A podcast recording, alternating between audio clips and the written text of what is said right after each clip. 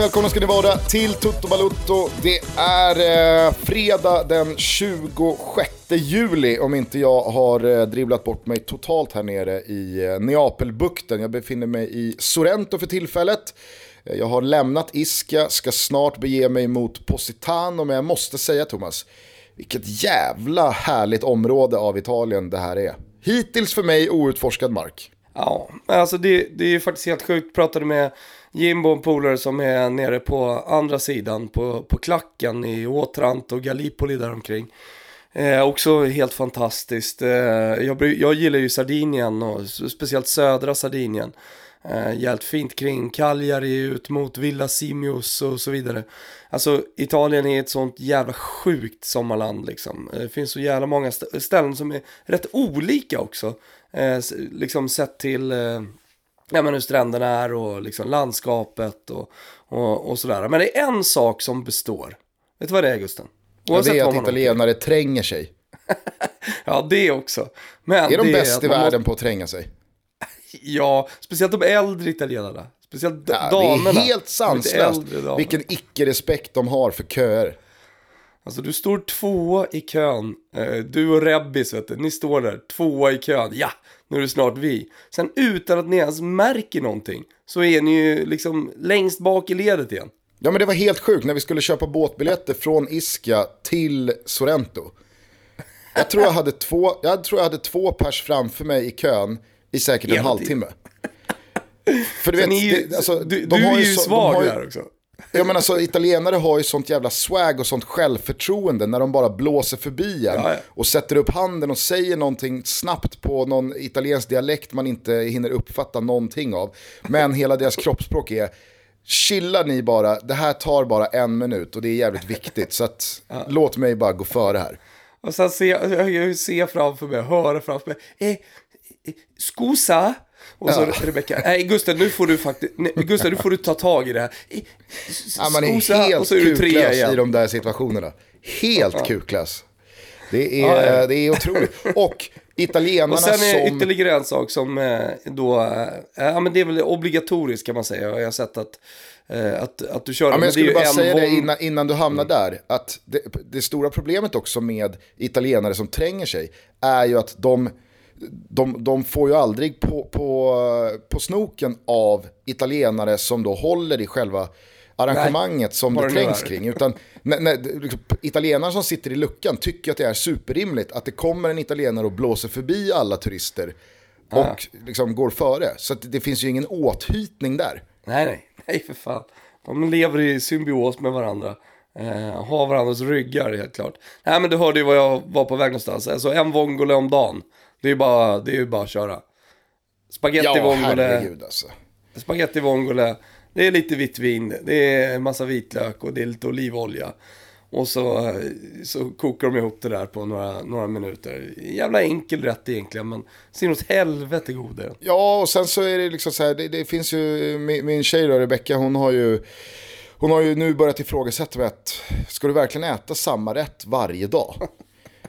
Men då gäller det ju också att sprida ut eh, alternativen eh, på de andra måltiderna. Så jag käkar ju satan här nere alltså. Ah, Bara för att man inte ska tröttna på vongolen när det väl är dags. ja, precis, det blir, så, det blir så jävla mycket mat. Så får man väl ta in lite förrätter och sånt där. Men vad, vad kul att du har det bra Gustav. Det gläder mig eh, att, att ni har det bra nere, nere i Sorrento. Martin Åslunds gamla hemtrakter va? Ja, eh, här förstår man ju att han eh, trivdes. Nu var han inte ja, väl det... i eh, Salernitana speciellt länge. Var det ett halvår? Eller var det en hel säsong? Nej, det var ett halvår. Jag kommer ihåg att eh, ryktet gick när det begav sig. Nu är det lustigt, nu känner man ju Martin så det är bara att fråga. Men ryktet gick när det begav sig att familjen inte trivdes så bra. Eller familjen, på den tiden var det väl bara eh, hans eh, bättre hälft eh, som, som inte trivdes sådär jättebra. Eh, han slog ju sig in i startelvan i alla fall.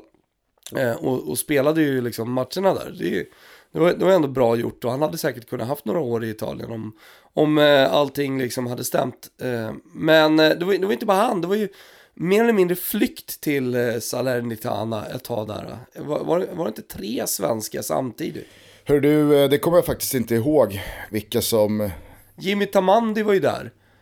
Eh, och sen tror jag Kalle Corneliusson var en sväng i Salernitana innan han tog tian i Napoli också. Då måste det ju ha varit någon slags paketlösning från Gnaget om de tog Åslund, Tamandi och Kalle Kula. Ja, det kan, var, var, det, var det Stefan Söderberg? Var han kvar fortfarande på den tiden? Han har lämnat där. Söderbergs bara lite känningar nere i Saler. Han har varit nere i, i Salerno-bukten och snackat med någon kypare. Så till slut har han fått kontakt med, med, med någon sportchef där nere. Okay, we say, we say like this. If you take three players, you get the cheapest one for free. Fan, vem throwback, var, vem var, throwback vem var billigast till... av... Vem var billigast av Åslund, Tamandi och Kalle Kula? Vem fick Salernitana på köpet av de tre? Alltså det var ju Åslund va? uh, very heavy ass, heavy ass on this player, but uh, okay, okay teknik. If you take uh, Jimmy Tamandi and Kalle Kula, I'll give you Martin Åslund for free. ja, det hade varit kul om det, om, det, om det gick till så. Men du, jag, jag var inne i en väldigt, väldigt flashig och fin och liksom bred vad gäller utbudet. En fotbollsbutik här i Sorrento. Och längst fram hängde ju givetvis då hemma bortaställen för Sorrento. Eh, vad, vad har du på det laget? Eh, Sorrento, Sorrento, nej men Chiro Immobile spelade väl där. Eh, alltså för att han är från eh, trakterna. Jag tror att eh, alltså, eh, han, han, han startade sin ungdomskarriär där. Annars så är det fan inte mycket på Sorrento. Vad kan de hålla till i femte divisionen någonting eller? Jag tror att det är Lega Pro alltså. Ja, är det verkligen det? Jag, jag, skulle, jag skulle gissa på att det var snarare så här Serie D. Uh, och sen så ett steg ner. Men okej, okay, rödsvarta, eller hur? Ja, i Rossoneri. Ja, Rossoneri. Annars så kanske du såg det, jag la upp en bild på vår eh, Instagram. Det fanns ju tre tydliga mannekänger i den här eh, butiken. Alltså, det var det ju då Messi, i fullskaligt eh, Barca-ställ, Cristiano Ronaldo i Juventus-stället och så Diego Maradona i eh, fullt Napoli-kit. Ja men alltså det, det, är jävligt roligt att det är någon som, någon som har gjort dem, liksom, gjutit de där uh, vaxdockorna. Och de är så, de är så usla. Så att egentligen känner man bara liksom, varför ens göra det? jag, vet inte, jag tyckte de var helt okej okay, alltså. Ja, man såg ju vilka det var eh, i alla fall. Men eh, det är klart, det är Maradona, det är ingen annan. Men du, på tal om Cristiano Ronaldo och eh, Juventus så såg jag dem i International Champions Cup som man ser med fördel hemma i Sverige via strivesports.com, eller hur? Ja, det stämmer. Jag kan påminna, bara för att du nämner det nu Gusten, så kan jag påminna om att det är en vecka kvar på tävlingen nu. Eh, man ska motivera varför man vill haka på med augusten i höst och kolla på Alexander Isak. Det blir tidig höst dessutom, kanske oktober någonting. Eh, det är bara att skriva liksom att man vill med eh, och sen hashtag strive-toto. Så kan man vara mer eller mindre kreativ, vad man känner för liksom. Man kan använda bild och ljud också så att säga. Så att gör det nu för att vi stänger tävlingen om en vecka. Mm, glöm inte att man måste vara en betalande Strive-abonnent för att få vara med och delta. Och det tycker jag att man ska överväga att bli då man får MLS International Champions Cup och sen så om några veckor hela La Liga och hela Serie A med ett väldigt fint kommentatorsstall adderat till matcherna. Eh, men eh, jag satt faktiskt och kollade då Juventus mot eh, Inter. Mm. Cristiano Ronaldo gjorde en sån här deflection frispark eh, i mål. Jag tyckte att han firade lite för mycket för att det mm. var dels en, en träningsmatch men också när man hänger en frispark som tar i muren och ställer målvakten. Framförallt därför. Liksom... ja, verkligen. Eh, men det var ju framförallt Mattis eh, Delicts debut. Och det var en debut. Ja, precis. Han började med att Självmål efter tio. stänka in den i egen kassa och bli utbytt i paus. Så att, eh, det kan bara bli bättre. ja, det var sanslöst att se alltså. Ja. Mardröm för en 19-årig mittback när det blir sådär.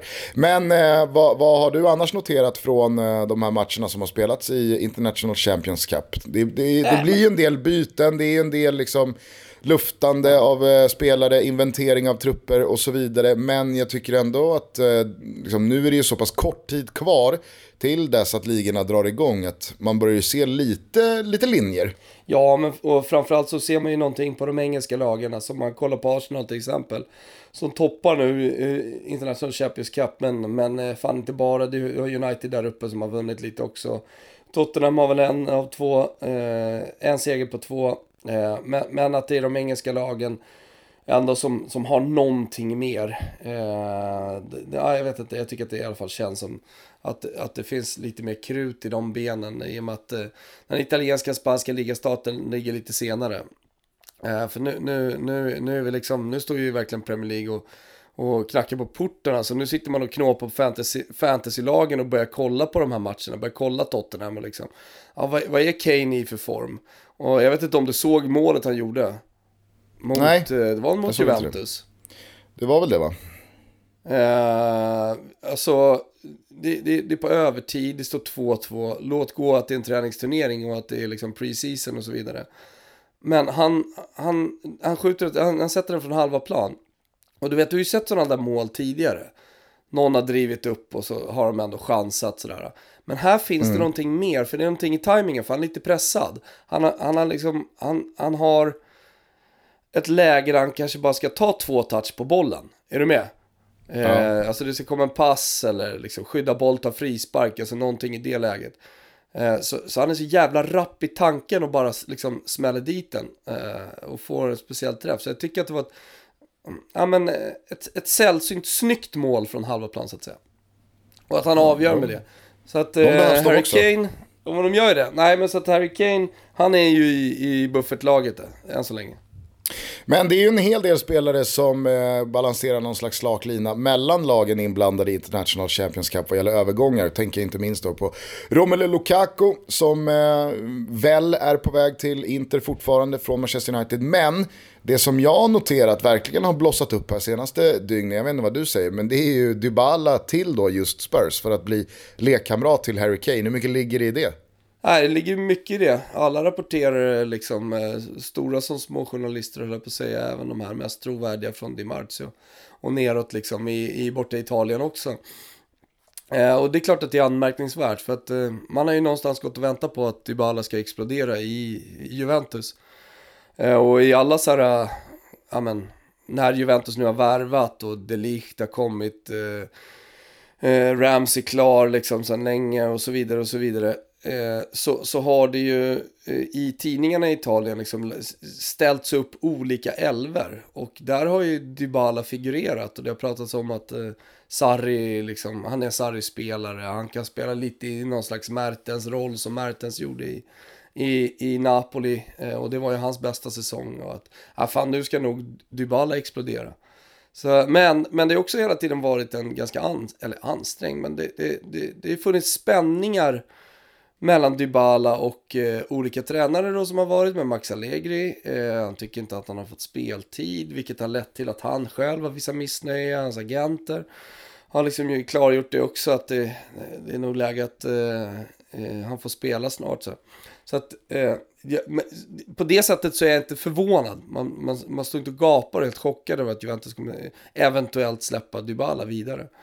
Eh, och men sen så om man kollar på det från Tottenhams perspektiv så får de in en spelare med en så ruskig jävla potential. Om man tänker som du sa att han ska bli lekkamrat då med eh, Harry Kane. Alltså det, det, det, det, skulle kunna bli så jävla bra, det tänker jag. Alltså landa mm. rätt där under Pochettino. Uh, alltså i ett Tottenham som kan spela med två stycken forward, två stycken rörliga forward. Uh, och, och, jag går hela tiden och väntar på bara att det ska släppa för Dybala. Att, uh, alltså det här sista och kanske att han får lite mer då consistency, han får spela varje match och få det här förtroendet. För han, för han har aldrig riktigt fullt ut fått maximalt förtroende i, i, i Juventusen. Uh, så, Fast går det inte där... att argumentera för att han fick det alltså, säsongen innan den i fjol, alltså innan Ronaldo kom. Då kändes det som att då var det inte Iguain som var spelaren som gjorde skillnaden eller som var första valet och som var den man förlitade sig på. Utan då var det Dybala. Han borrade ju in hur många frisparkar som helst och var hela tiden den spelaren som markerade att ja, Iguain får steppa upp om han ska ens vara kvar i den här startelvan för att Mandzukic hade börjat gå ute till vänster och göra det bra, inte minst defensivt. Eh, där fanns Douglas Costa och en, eh, en rad spelare som skulle finnas bakom. Och Bernardeschi kom in och så vidare.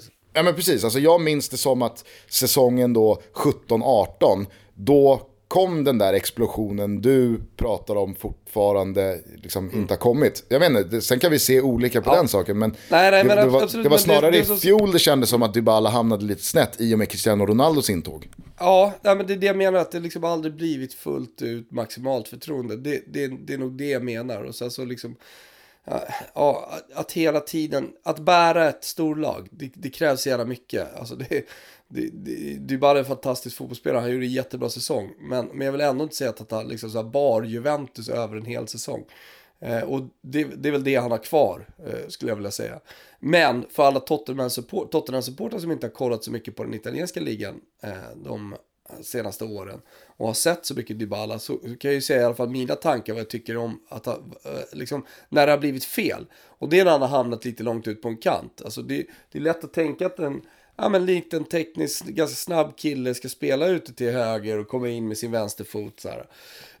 Men, men jag tycker Dybala är som allra bäst när han är central forward. Det var därför jag tänkte mm. att det skulle bli bra med Sarri, eftersom han har spelat med... Ja, precis. Ja, alltså, det kändes som att ett snäpp upp från Mertens. Mm. Men nu, ska, alltså, nu spekulerar vi ju eh, om en spelare som fortfarande inte är såld, som faktiskt också kan bli kvar. Men, men, men jag tycker ändå att det har varit så starka uppgifter och att det verkar finnas så stort intresse från Tottenhams sida. Att, att, eh, att eh, ja, men, det finns ett värde för alla Tottenham-supportrar inte minst som inte har sett Dybala att, att ändå ta upp det här och, och, och, och nämna det lite. Men alltså spela med två stycken forwards och, och ja, men kanske någon lite släpande och Dybala lite släpande. Det, det, det tror jag kan bli helt, helt jävla dunder för, för Spurs. Hörni, en övergång som är klar, vi ska släppa Italien-fokuset alldeles strax, men det är ju att Daniele De Rossi har landat i Buenos Aires, Argentina och gör sig redo för att dra på sig Boca Juniors gulblå tröja. Jag måste säga att eh, av alla tänkbara nästa kapitel post-Roma för Daniele De Rossi som jag å ena sidan då aldrig trodde skulle ske men å andra sidan känner att om det nu skulle ske så var fan det här kanske det bästa och finaste av allt. Alltså, han lämnar Italien och Europa för, ja, så som jag har förstått att han vill spela på La Bombonera. Ja, exakt. Det här som, alltså man, man tänker eh, ofta när supportrar eh, nej men liksom på något sätt så yttrar sina känslor kring spelare som lämnar, ofta då hamnar i typ MLS eller i, Ara i arabstaterna eller i, borta i Kina. Eh, för att på något sätt mjölka ut det sista och få så mycket pengar som möjligt. Eh, så väljer ju De Rossi, alltså den romantiska vägen. Eh, man, man, man, har ju tänkt tanken en gång, fan vad coolt det vore om liksom någon bara valde ja, men ett sånt kultlag. Eh, mm. någon, någon valde liksom känslorna framför pengar, någon valde för i det här fallet finns det någon slags hjärta som, som säkerligen bultar också för att liksom komma dit och äh, ja, men, eh, testa på en helt ny erfarenhet.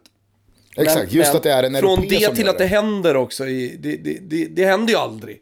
Och sen händer det, och så händer det med en spelare som har spelat med hjärtat i, i, i liksom hela livet. Han hade blivit kvar i Roma ända tills karriären var slut. Eh, och, och välja, välja Boca Juniors då. Eh, men, men man ska vara försiktig med att eh, liksom dra det ekonomiska kortet. Med, så här, ja, det är klart att De Rossi är klar för länge sedan och hans barn och barnbarn är klara och behöver aldrig mer jobba och, och, så vidare och så vidare. Men det är uppenbarligen svårt att liksom välja med, med, med hjärtat. Så därför, därför, därför är det så jävla uppfriskande. Och det är ju den coolaste värvningen och förmodligen den coolaste värvningen det kommande decenniet också. Jag kan vara transparent med att det, det här är ett väldigt, eh, väldigt tomt eh, ark för mig. Men har du någon uppfattning om vad ett lag som Boca Juniors kan betala? Vet du vad? Jag har en lånetelefon nu för min inne. Så att jag har de senaste två dagarna inte kunnat eh, läsa pdf-gazetten, alltså den, den riktiga gazetten. Där brukar de ju eh, komma med, med transfersummor, så vi, vi får återkomma till den eh, i, i, nästa avsnitt. Men, men eh, fan, jag men 10 miljoner svenska kronor netto per säsong. Alltså, jag, jag, kan tänka mig att det är så mycket mer. Men han, kanske, han är ju free agent, så det handlar väl... Så här, spekulerar helt fritt, eller så här måste det vara. Han, han får väl en, en jävla sign-on. De har väl löst på något sätt att han får en dunder sign-on. Sen är inte lönen ja, så mycket att Samtidigt så tänker jag att laget som huserar Carlos Tevez måste ju ha ganska djupa fickor. Å andra sidan så var ju Tevez borta och grävde guld i Kina. Och fick ju, fan hur mycket pengar fick han? Det var helt satans jävla mycket pengar som han fick när han ja, gick till Kina. Var det 400 miljoner per säsong? Så jag kan tänka mig att han spelar gratis fan i sitt, i sitt uh, bocka. Ja, samtidigt ah, så rapporterades det väl om att Carlos Tevez hade ett entourage på 60 pers. Var med sig till Kina? Som också, skulle, som också skulle ha lön och så vidare. Han var ju barndomspolare och lite blandat där som, som kom ner. Inte riktigt lika stort entourage som Carlos Strandberg hade när han åkte ner till Dortmund eh, och var på väg att signa. Men ändå stort. Ja, exakt. Ja, nej, jag måste säga att jag, jag, jag, blev ändå glad när jag såg bilderna igår från eh, Buenos Aires flygplats när De Rossi anländer.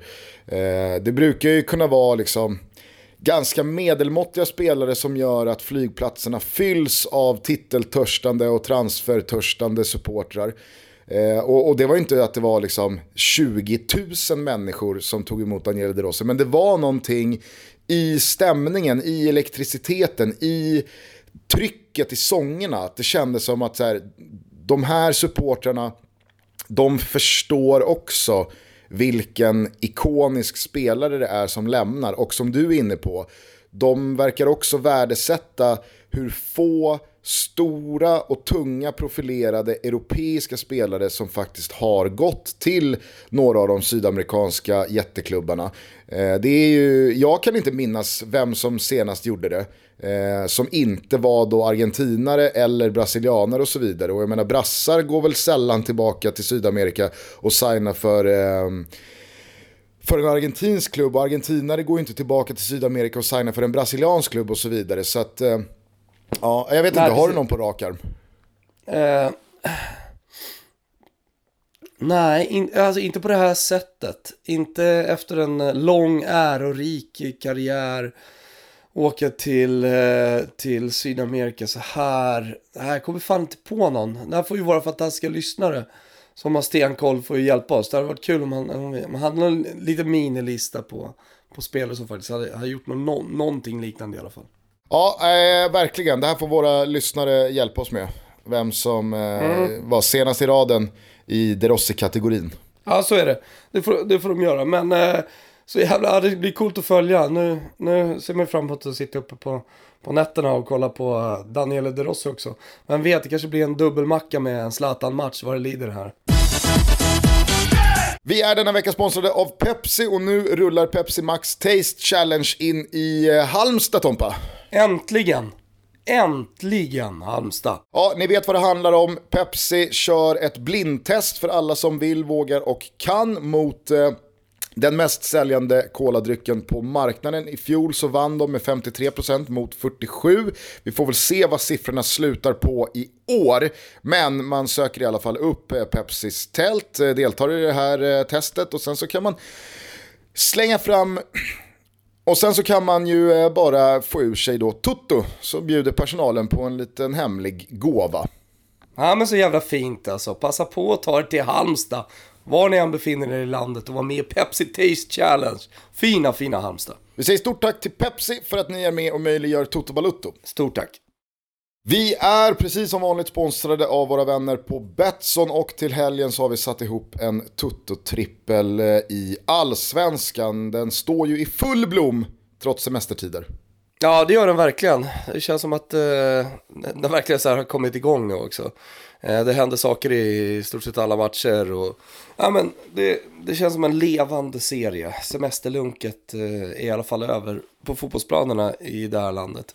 Men, eh, nej, men så kollar jag lite på International Champions Cup, alltså kollar lite på de matcherna Real Atletico och eh, eh, sen är det Milan-Benfica, men nej, det är svårt att hitta någonting där. Alltså, jag, jag tycker det. Så att, eh, fokus allsvenskan, Gugge. Mm. Eh, jag börjar med att ta Bayern att vinna med två mot AFC. Jag har ju plussat lite för AFC senaste tiden, men med tanke på hur mycket det har börjat snackas om Bayerns eh, ihåliga defensiv, att de i och för sig gör många mål framåt men släpper in lite för många mål bakåt, så tror jag att eh, Billborn och Jocke Björklund och gänget har gnuggat lite extra på defensiven här i veckan. Offensivt så finns det inga bekymmer. Imad Khalili har gjort att alla redan har glömt kjarten.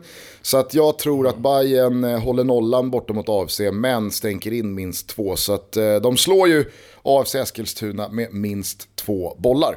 Ja men så är det.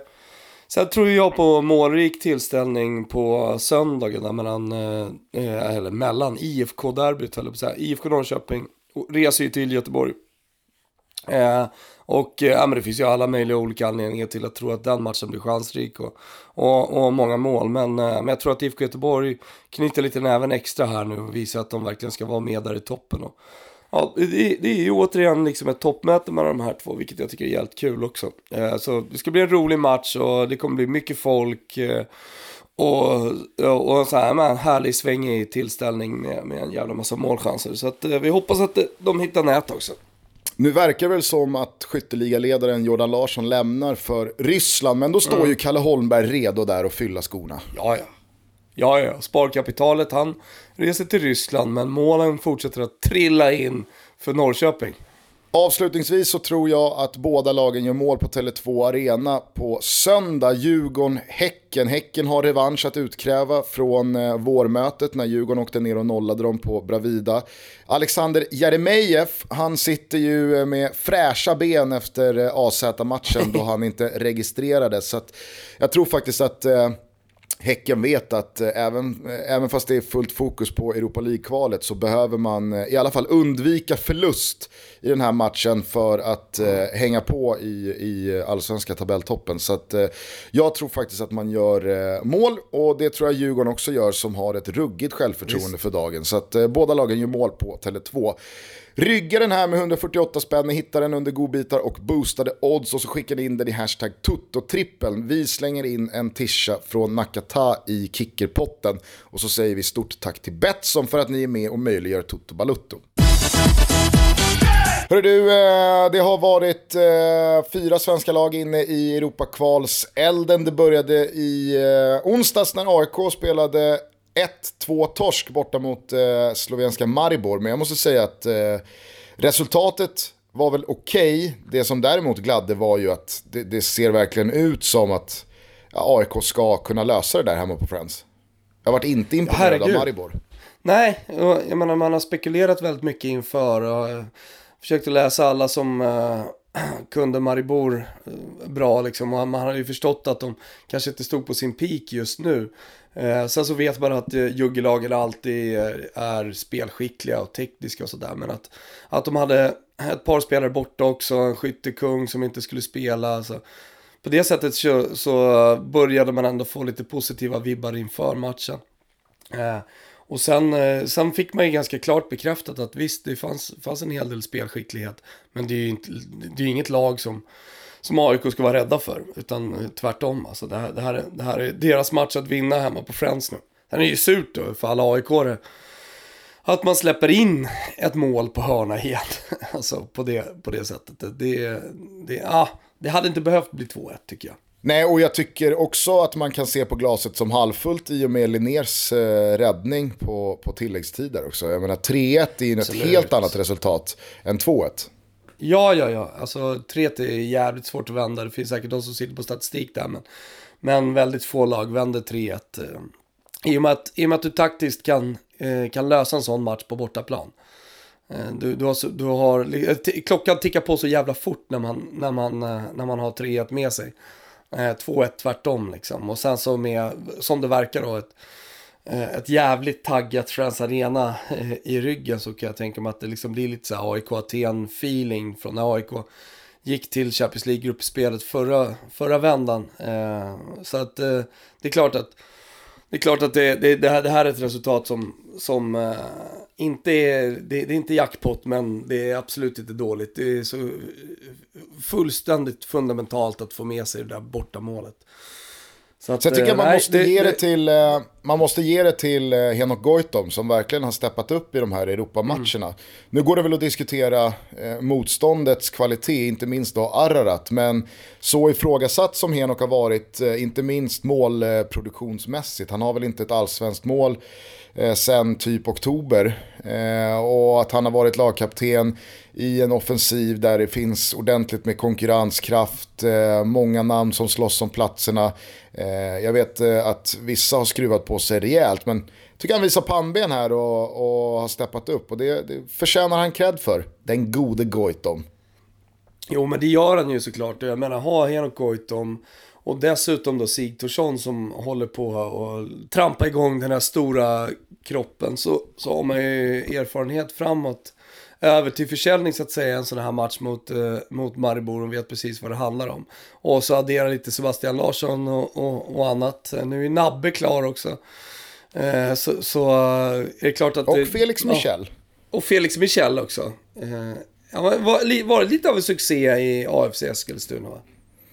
Framförallt så gjorde han ju en helt otrolig insats mot just AIK i Svenska Cupen-semin i våras. Eh, det var ju där jag tror många fick upp ögonen för eh, Felix Michel som väl är brorsa till Alexander Michel. Ja. Eh, mittbacken som hade ett par märkliga transferturer med Bosse och Djurgården.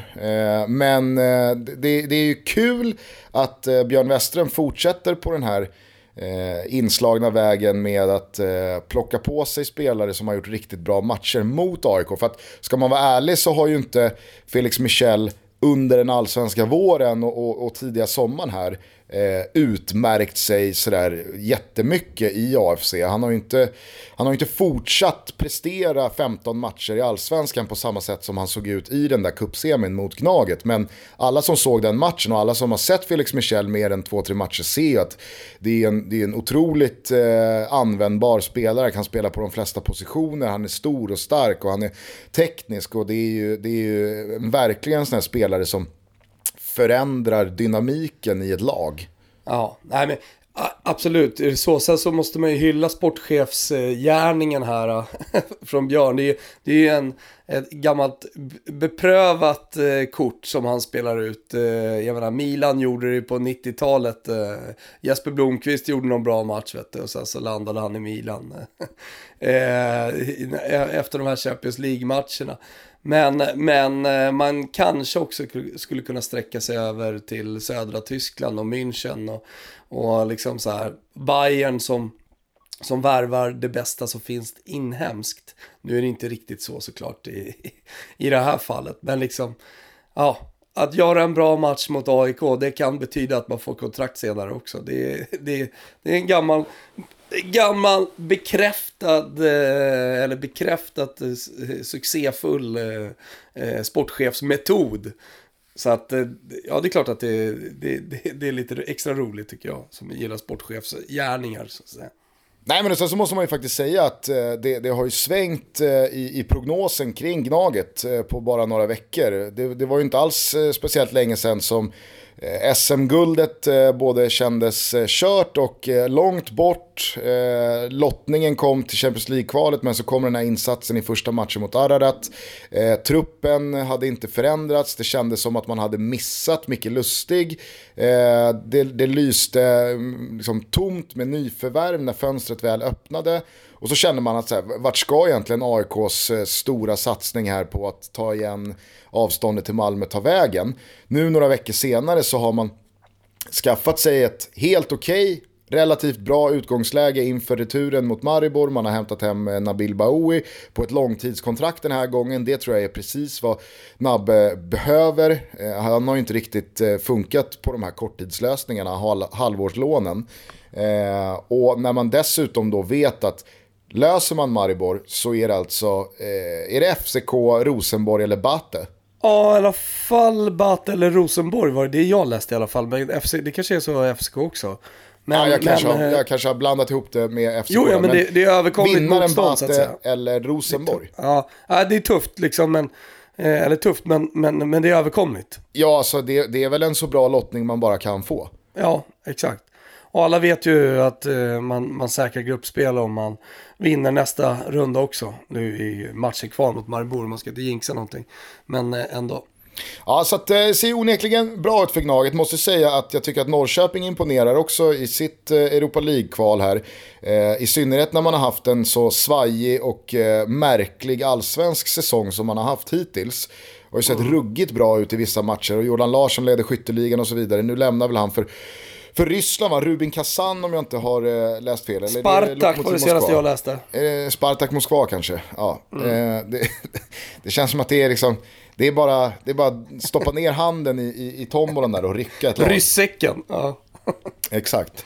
Eh, nej men eh, motståndet har väl inte varit eh, någonting att snacka om. Men jag tycker att man, man gör ju jobbet och, och igår gör Simon Tern 1-0 efter 30 sekunder liksom. Och det känns som ja. att Norrköping verkligen, eh, de, de menar allvar med, med, sin ambition att gå så långt som bara möjligt här. Ja, jag tycker att det, om man kollar på alla de här lagen, alltså nu fick väl inte Malmö FF något så här eh, drömresultat, men å andra sidan så är det någonting som man absolut kommer lösa på hemmaplan. Så eh, alltså, de, de, de känner jag för bara liksom skriva vidare klara för nästa omgång också. Eh, och sen så 0-0 mot Alkmaar i 40 grader i, i Holland. Eh, visst kanske är trist att de inte får med sig ett bortamål.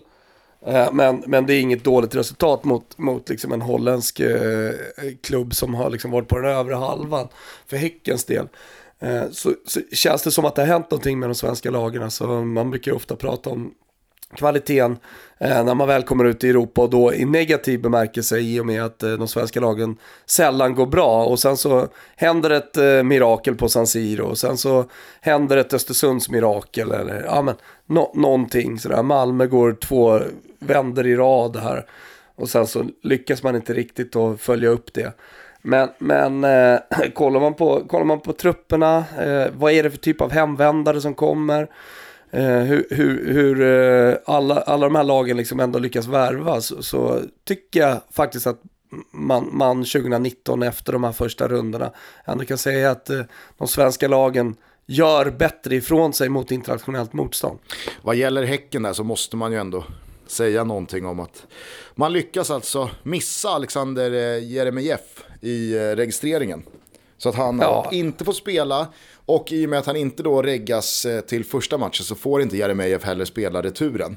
Och det här är ju liksom, alltså det är ingen marginalspelare. Det är inte, det är inte backupen på vänsterbacken som eh, inte lyckas eh, reggas utan det är ju, det är ju Primo Punta. Ja, ja, helvete. Primo Punta och och totalt nyckelspelare och som man helt... Ja, men, ett av, eh, om, man, om man då tar elva eh, spelare, eh, värderar dem på massa olika sätt, så kommer man ju topp tre eller? Ja, alltså jag skulle säga ja, man... att de, de, de, de spelarna Andreas Alm absolut inte vill klara sig utan i ett Europa League-kval mot AZ över 180 minuter. Det är ju Friberg, det är Abrahamsson i målet och sen så är det väl ändå, ja men det är jämnt skägg mellan Paulinho och Jeremejeff. Ja, och eh, då tänkte jag först att eh, nu ska nog huvud rulla. Det här får ju inte hända. Senaste gången jag minns eh, ett lag gjorde en riktig fadäs vad det gäller registrering så att säga vid skrivbordet. Det var ju när Real Madrid eh, inte reggade Cherichev i den spanska kuppen och således, och spelade honom, bytte dessutom in honom. Eh, och där kan man ju mm. prata om en spelare som inte gjorde skillnad i Real Madrid. Så det var ju bara, det var ju bara slarvigt. Och eh, förlorade mot Cadiz, kan det ha varit det? Ja, visst var det Cadiz. Ja, jag tror, jag tror vi gjorde studio där eh, för, eh, på Discovery. Där ehm, var, ju dock, eh, där var ju dock skillnaden att eh, han var avstängd och inte då icke-registrerad. Utan han hade med sig en avstängning från något rött kort som han hade tagit i Villarreal säsongen innan när de hade Så åkt ut kuppen. Så att Så. han skulle varit avstängd trots att det var nytt kalenderår och det var ja, ny men den säsong. Är lurigare, det var ny upplag. så att eh, då, då åkte det. Alltså och det hade ju varit värre för Häcken. Om de, ah, hade, om de hade spelat Jeremejeff och sen så framgår det under matchen som det var i Real Madrid och Cherchevs fall. Eller i värsta fall då efter matchen. Att så här, nej, de har spelat en spelare som var avstängd eller var icke-registrerad. Så att Exakt. ni åker med, med 0-3, det är bara att packa väskorna och, och, och tacka för er. Ja, men precis.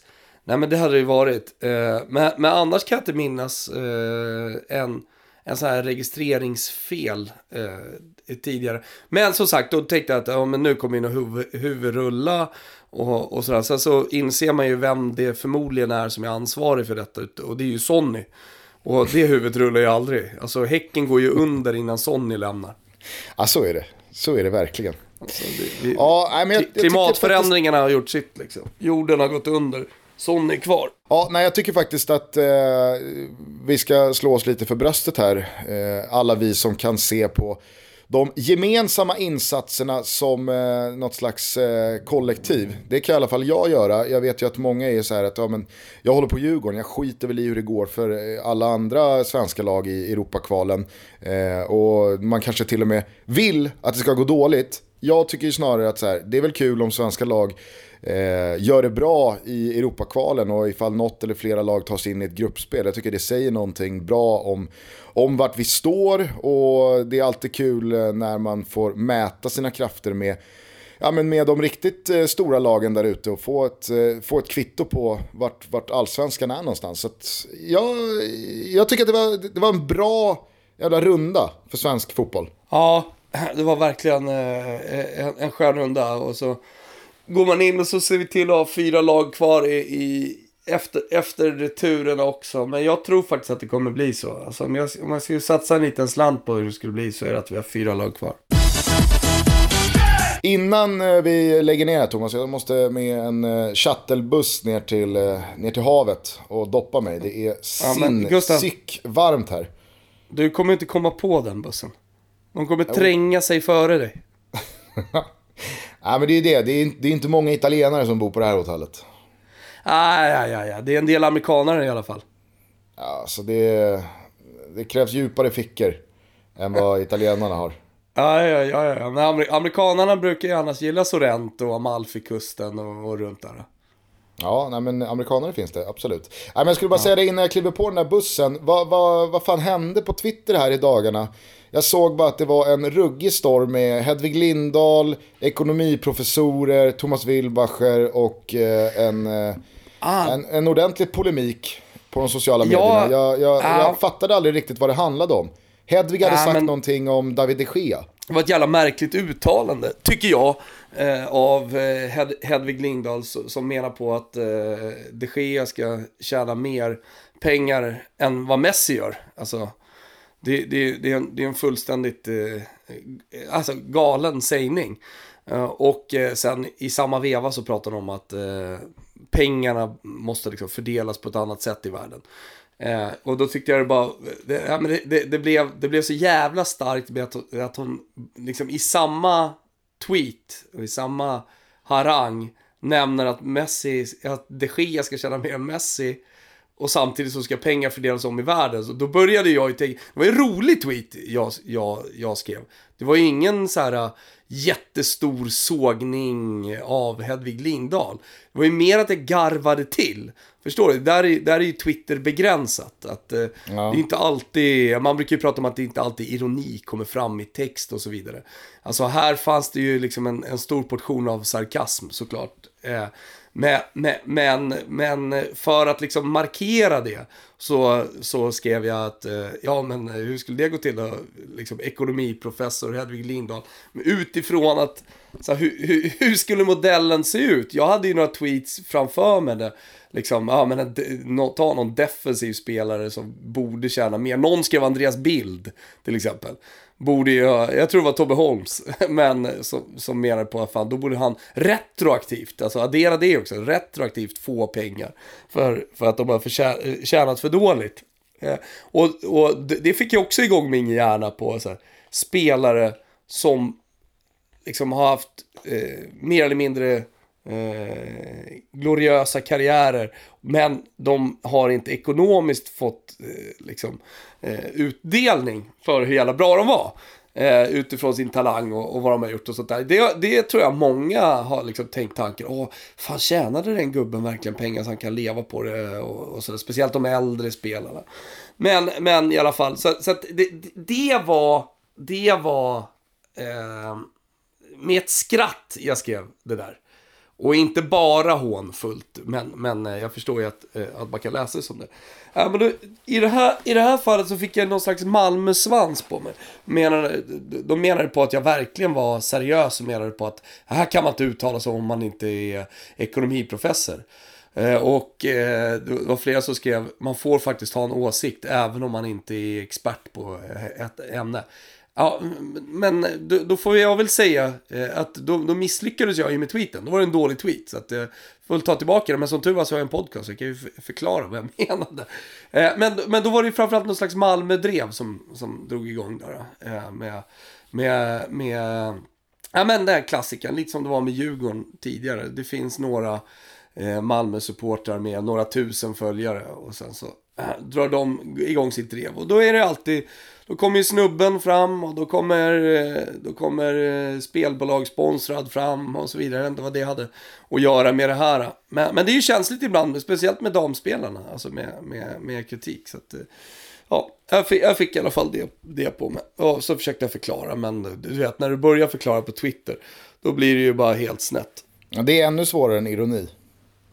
Ah, alltså det är helt omöjligt. Att, att försöka förklara vad man egentligen menade på Twitter, det är helt omöjligt. Men, ja. Eh, nej, men det är, det, det, man känner igen, alltså jag känner igen, de, de pratar ju om min svans. Alltså, jag såg, såg ingen, så, mer eller mindre, som, som gick in och liksom ja, gick emot de här personerna som gick emot mig. Eh, utan det var ju snarare deras svans som de fick med sig. Men skitsamma. Jag tycker, alltså, hör jag svans, hör jag snubbe, hör jag spelbolag sponsrad, då kräks jag. Det, det förstår jag. Eh, vi ska alldeles strax eh, avsluta. Jag ser bara här att eh, Dani Ceballos är klar för Arsenal.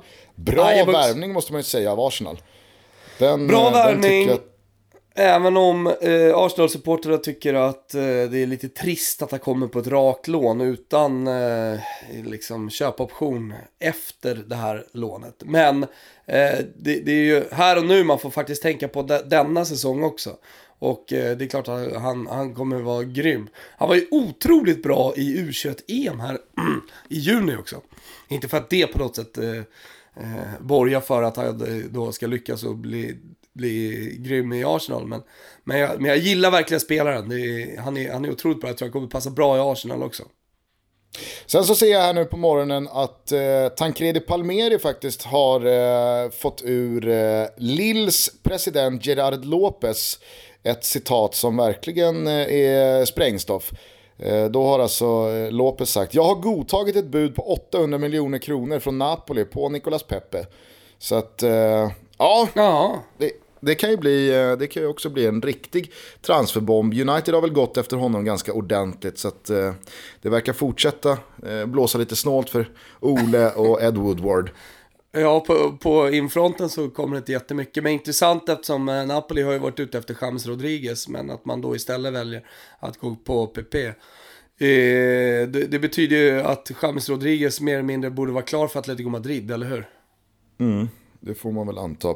Hörni, vi måste börja avrunda. Tack för alla eh, mycket, mycket roliga reaktioner på Noah Bachner-avsnittet här för några dagar sedan. Ni eh, följde ju verkligen vår uppmaning och eh, subtweetade ut eh, hur usel Noah var. Det var nästan som man kände att det gick överstyr och så fick man lite dåligt samvete. Ja, men jag hade kontakt med Noah, det var lugnt. Han skrattade gott och eftersom det på något sätt var förtäckt kärlek så är det klart att han tog, tog, det, tog det som kärlek. Men vet du vad, jag måste också säga en sak innan vi avrundar. Jag måste dela ut en schnitzel.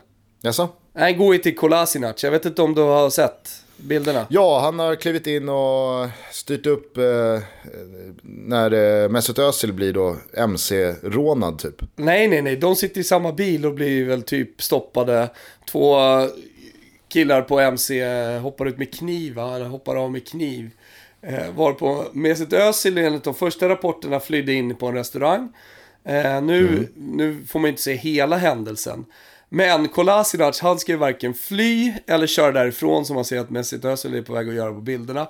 Utan no, no, något knivrån, det accepterar han definitivt inte. Och går ut med sina bara nävar mot eh, de här hjälmbeprydda herrarna och, och börjar veva.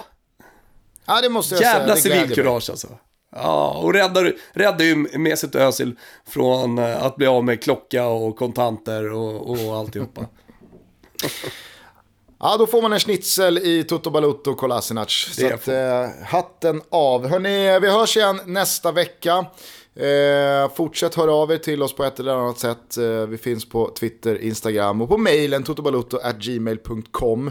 Eh, ha det så bra Tompa så hörs vi om några dagar igen. Du, eh, tuffa till det lite, vässa de där armbågarna och ta fan, in, ta, ta, ta fan inte skit från någon Gugge.